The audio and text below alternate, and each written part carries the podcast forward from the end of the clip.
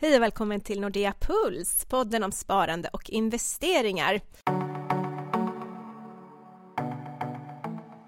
8 mars så är det ju internationella kvinnodagen och eh, vi tänkte att det kunde passa bra och bjuda in en rådgivare och en familjejurist hit till studion.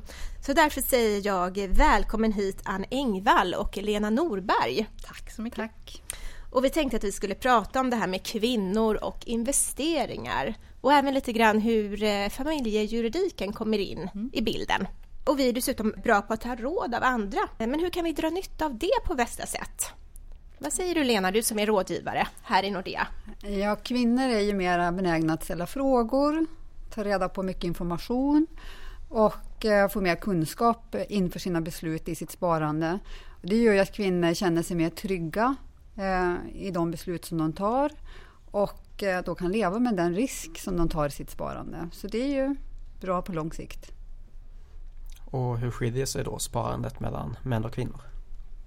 Eh, ja, kvinnors sparande, kvinnor är ju mer benägna att ta en lägre risk i sitt sparande. Man är mer försiktig och det kanske har med att man då vill ha mer kunskap för att ta en högre risk i sitt sparande. Risk kan man säga som så att eh, ju mer aktier man har i sitt sparande ju högre risk får man för det är en större variation i värdet av att man handlar aktier. Aktiers värde varierar mer eh, med uppgång och nedgång medan ett räntesparande då är mer stabilt. Och har man pengar på konto som det är idag så har man inte så mycket ränta utan risken är väldigt låg. Och hur ska man då få kvinnor att våga ta större risk i sitt sparande? Ja, kvinnor, ska man eh, få kvinnor att ta mera risk så tror jag att man ska satsa på mer kunskap, eh, uppmana dem till att till exempel gå till banken och ställa en massa frågor och få mera information prata med sin omgivning. Ehm, börja kanske att investera ett mindre kapital och se liksom vad konsekvenserna blir av det. Och ehm, ju mer kunskap man har, ju mer kanske risk man är villig att ta. Våga komma igång helt enkelt ja. och testa sig fram. Men om vi ska prata lite familjejuridik då, Ann. Hur mm. hänger det ihop med sparandet? Ja, på alla sätt eh, skulle jag säga. För att likväl som den ekonomiska situationen, eh, att man ska ha koll på den, så behöver man ju också ha kon kontroll på sin familjerättsliga situation i olika skeenden i livet. Eh, och den ekonomiska familjerätten, den består ju av frågor som till exempel, vad händer om jag går från att vara ensamstående till att bli sambo? Kanske köpa en bostad av de här medlen, sparandet som jag har sparat ihop. Eh, jag kanske får barn, jag kanske dessutom separerar eller gifter mig. Eh, jag skiljer mig, jag dör och så vidare. Alltså livets cykler. Eh, och Eh, i alla de här frågorna och beståndsdelarna så kan man ju se till liksom att eventuellt teckna avtal kring det. Eh, och då pratar jag framförallt om samboavtal, om äktenskapsförord upprätta testamente och liksom gå igenom sin situation i de olika delarna av livet. Så, att, så att det är ju minst lika viktigt att ha koll på eh, juridiken som ekonomin. Alltså de, de går ju inte att frikoppla från varandra. De hör ju ihop. Vilka saker skulle du då säga är de absolut viktigaste att ha koll på när det gäller familjejuridiken? Ja, det, det, går ju inte att svara på egentligen rent generellt utan det beror helt på vem du är och i vilket skeende i livet du är alla sådana här frågor är ju väldigt mycket färskvara, så det beror liksom på. Eh, är man sambo till exempel, eller blir sambo och låt säga att man förvärvar en bostad tillsammans, eh, så kan man ju fråga sig om nu det här förhållandet upphör, hur vill vi då att det ska fördelas? För det kan ju också hända att man har olika ekonomiska förutsättningar den dagen man väl gick in i den här bostaden. En kanske betalade mer eller mindre än den andra. Och, eh, och allt sånt här behöver man ju prata om innan. Eh, och då kanske man också ska fundera lite på ja, men vad händer om det är så att den här relationen inte fungerar? Och vad händer om min sambo skulle avlida? Sambor till exempel, de är ju väldigt oskyddade. Eh, de har ingen arvsrätt mellan varandra. Utan det krävs ju då att man upprättar ett testamente till exempel om man vill att den andra ska, ska ärva. Och om man gifter sig, ja då blir det helt andra och nya regler. För att gifter man sig ja då får man ju så kallad bodelningsrätt då i alla tillgångar som båda makarna äger och då ska helt plötsligt allt delas. Och jag tror att man måste våga prata med varandra om ekonomi och hur man vill att det ska fördelas om det här äktenskapet då skulle upphöra. Så att man måste våga prata. Och sen tänker jag också på eh, alla våra bonusfamiljer. Eh, vår lagstiftning är kanske inte helt anpassad eh, efter de moderna familjebildningar vi har idag. Och jag tror att det är väldigt många eh, par och familjer som inte har koll på vad som händer om vi separerar, om vi skiljer oss eller om någon avlider. Ehm, även makar ska man veta, alltså även om man är gift men kanske bara har bonusbarn. Man har inga gemensamma barn men man har barn sedan tidigare. Sådana makar har ingen arvsrätt heller mellan varandra enligt lag. Utan dör en make i den situationen så går allt till barnen. Och det är det ganska många heller som inte vet. Så att man måste i varje skeende ta reda på vad är det som gäller för mig och min familj. Om vi kopplar tillbaka lite grann till sparandet. Eh, om man då väljer någon förmånstagare för sitt sparande mm. eller sina försäkringar. Hur, hur kan man tänka där? Ja, det beror ju helt på vad det är för tillgångar man tänker på. Eh, men den huvudsakliga handlingen som finns för att eh, fördela sin kvarlåtenskap eh, efter att man har avlidit, det är ju testamente. Men testamentet styr inte allt. Och det jag tänker då på framförallt det är dina försäkringar som man har. Och det gäller pensioner och det gäller kapitalförsäkringar och även livförsäkringar. När jag dör så är det själva förmånstagarförordnandet i försäkringarna som styr vem som får det kapitalet. Så att allt det här är ju en helhet. Så att man måste titta på helheten så att det blir korrekt i de här olika delarna. Jag tänkte på det bara, du var inne på det här med att det är viktigt att prata om de här sakerna. Har du något tips på hur man kan bli bättre på att prata om de här sakerna i ett förhållande kanske? Man måste bara våga. Alltså, eh, det är ju en kärlekshandling egentligen, att man pratar med varandra. Eh, och jag tror att har man väl börjat och försökt så kanske det inte är så läskigt som man tror. För jag menar, om man inte kan prata om det när man väl är glada med varandra, då kommer det ju bli väldigt ännu mycket svårare den dagen man eventuellt inte är det. Det kanske att, kan vara bra att liksom ha en liten uppstart när man, eh, när man träffar varandra, kanske inte första dejten. Men, eh, inte första och sen dejten. våga liksom diskutera sådana här saker för att det mm. underlättar ju. Verkligen, sen för då... idag är det också så stora värden vi pratar om. Eh, och, och, det är ju ofta sin livs största investering man gör om man köper en bostad. Och det vore ju väldigt eh, knasigt liksom att inte prata om ja, men vad händer med det här. Hur vill vi att det ska delas om det här nu inte funkar? Eh, det är lite som att tro på jultomten, liksom, att allt bara ordnar sig. Och det mm. gör det ju inte. Liksom. Vi pratar ju också om det här när det gäller sparandet. Det här med att bygga sig ett starkt nät, eller skyddsnät. Och det är också det här med kommunikation när man träffar varandra. Att man är delaktig och eh, att båda tar ansvar, eh, skaffa sig kunskap och det hänger ihop med liksom allt ifrån ska man säga, vardagsekonomin när man träffas. Vad har man för inkomster och utgifter? Kanske då att man bestämmer sig att man ska flytta ihop. Att man kanske lägger en budget. Man tittar på de gemensamma inkomsterna och utgifterna. Och att man försöker leva efter den eh, planen som man har och att man följer upp så att man inte liksom får några ska man säga, eh, eh, oväntade överraskningar. Eh, sen när man har levt ihop ett tag så kommer det kanske till att man behöver bygga sin ekonomi ihop. Och då är det första kanske att man ska mm, spara till en buffert. Att man har för oförutsedda utgifter. Eh, ifall man blir sjuk, någon blir arbetslös eller vad som helst kan ju hända. Och när man har fått ihop till, till den så går man kanske vidare och funderar på hur det kortsiktiga sparandet. Ska man ut på semester eller man ska göra någonting som man ändå är medveten om. Eh, att man tar ett gemensamt aktivt beslut, att båda är liksom överens om att det här ska vi göra. Och sen kommer man då till det mer långsiktiga sparandet. Man kanske tänker sig att man eh, ska köpa en större bostad så småningom. Att man kanske har en tanke kring sparandet. Hur man ska gå tillväga, vilka val man ska göra. För det är alltid ett val man har. Och sen är det ju då det viktiga, det absolut mest långsiktiga sparandet, det är ju pensionssparandet. Och det är ju utifrån kanske då vilken ålder man är och hur situationen ser ut. Så det är ju mm. det är också viktiga bitar i det totala skyddsnätet när man ska bilda familj. Ja, och, och, och sen vad gäller familjejuridiken så är det ju precis som jag sa innan, ha koll på din situation och dina handlingar. Se till att upprätta testamente, äktenskapsförord eller samboavtal eller vad du nu än är i för situation. Och dessutom ha koll på dina försäkringar. För det är ju också en väldigt viktig bit i det hela. Eh, en, en, del av, av helheten.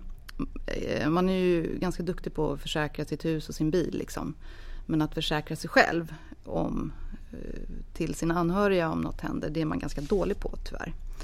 Eh, och man ska också se till att ta ägarskap. Alltså man ska inte lita på andra utan man måste se till att om man sparar eller det man gör att man har koll på det själv i eget namn.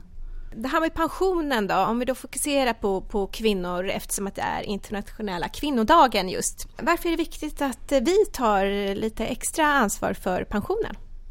Jo, det är som så att vi har tittat lite grann på andelen pension har i relation till män. 67 procent eh, får kvinnorna av männens pensioner. Så redan där kan man konstatera att kvinnor får en lägre pension. Och det gör ju liksom att kvinnor i sin yrkesverksamma roll bör se till att höja sin lön så mycket det bara går. Så Jobba att man, heltid. Så att man får ja, och en, bli bättre på att löneförhandla kanske. Löneförhandla. Det behöver vi öva på. Absolut. Ja. Så att få upp sin lön, att, eh, ja, att man ska i alla fall ha samma lön för samma arbete. Och sen att man ska jobba heltid som vi var inne på. Det är ju jätteviktigt. Eh, många kvinnor är ju föräldralediga i större utsträckning och arbetar deltid. Så det är väl också att försöka få en mer jämställd eh, fördelning när det gäller då att eh, kanske man vill vara hemma med sina barn mer men att man eh, delar upp ansvaret över mm, att ta hand om eller då att det här deltidsarbetandet blir lika fördelat.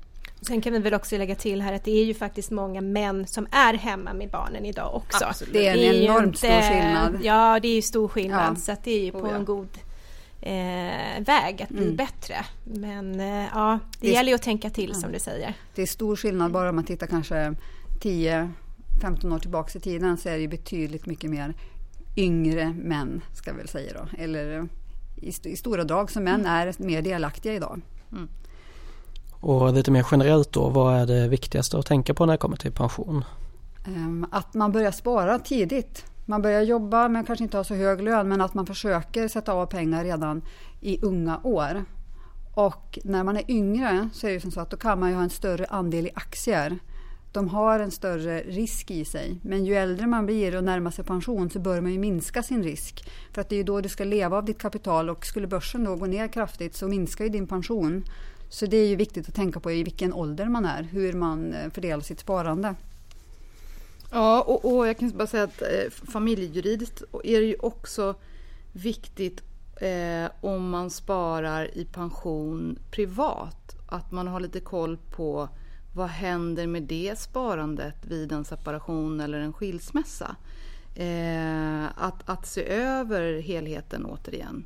För att det är inte alls säkert, eller om man sparar vanligt och privat till sin pension så kan ju den ingå i en bodelning i händelse av en skilsmässa. Vilket kanske inte var tänkt. Så det, det, behöver man ju tänka på. Och om du är egen företagare så, så kan din pension behandlas annorlunda.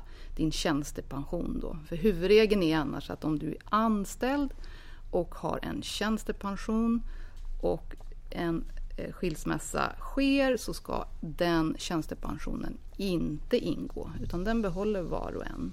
Däremot så ser reglerna lite annorlunda ut då för om du är egen företagare. Så att, återigen, det gäller att ha koll på sin situation. Har du någon rekommendation för vilken typ av konto man ska spara på då också? Alltså jag tänker om kapitalförsäkring eller ISK eller vanligt konto, vad, vad är bäst för det? Tidigare så var det så att när man gjorde sparande till pension så kunde man göra avdrag för det. Men det, så är ju inte reglerna längre. Så att idag så rekommenderar vi att man eh, sparar på ett ISK, investeringssparkonto, som är en eh, förmånligare skattemiljö.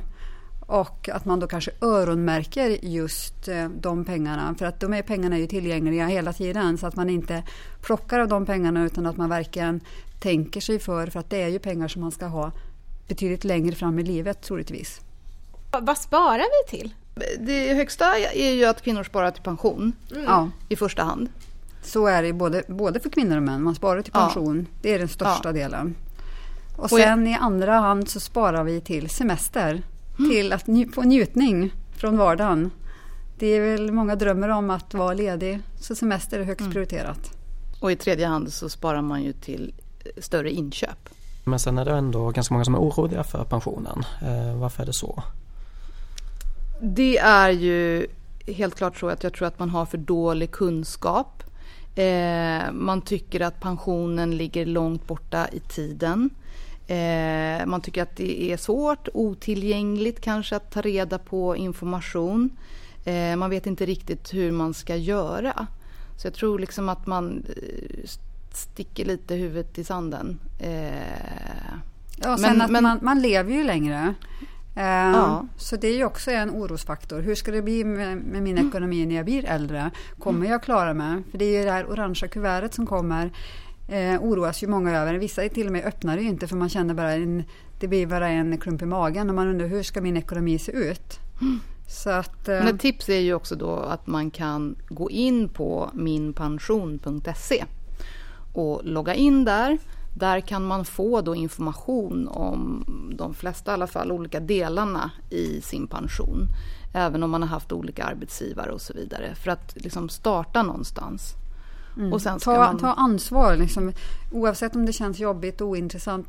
Eh, boka in ett möte med banken Mm. som en första introduktion. Så att man åtminstone kan eh, reda ut vad är det jag behöver tänka på. Hur, hur kommer min situation att se ut? Och utifrån det så kan man ju ta ett aktivt beslut om man vill börja sitt sparande. Och är det då något särskilt man ska tänka på när man tar ut pensionen? Ja, absolut. Eh, ma, i, innan man gör det så måste man göra en plan.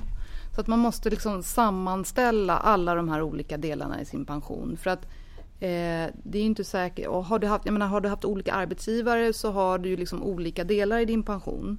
Så att det är väldigt viktigt att göra en plan för det uttaget. Man kanske inte behöver ta ut alla delar samtidigt. Du ska ju inte ta ut mer än vad du behöver. Det ska räcka kanske, förhoppningsvis, länge i livet. Och man ska ju också kontrollera förmånstagarförordnanden. Alltså vad händer nu om jag avlider innan de här pensionerna har betalats ut? På den allmänna pensionen, ja där finns det ju inget förmånstagarförordnande. Däremot så finns det ju det då på om du har tjänstepensioner. Eh, och, och, och kika på liksom också eventuella skattekonsekvenser. Att man eh, inte tar ut jättemycket pension i ett par år och sen tog det slut och så blev det väldigt hög skatt och så vidare. Så att man gör en plan för det i de här olika delarna. Okej, men om vi ska ta och sammanfatta dagens avsnitt då. Vad är de tre viktigaste sakerna att ta med sig? Eh, jag tycker att man ska skaffa sig information, kunskap så att man kan lita till sina egna beslut och eh, inte vara i händerna på någon annan utan att när jag tagit beslut så är det mitt beslut. Det tycker jag är viktigt. Och precis, att ta ditt eget ansvar för ekonomin och din juridiska situation. Tro inte liksom att någon annan gör det åt dig eller tro inte att du kan leva på din partners pension eller pengar. För du har ingen aning om vad som händer i livet. Den personen kanske inte finns där den dagen. Så att, och, och det absolut viktigaste är att gör någonting, agera.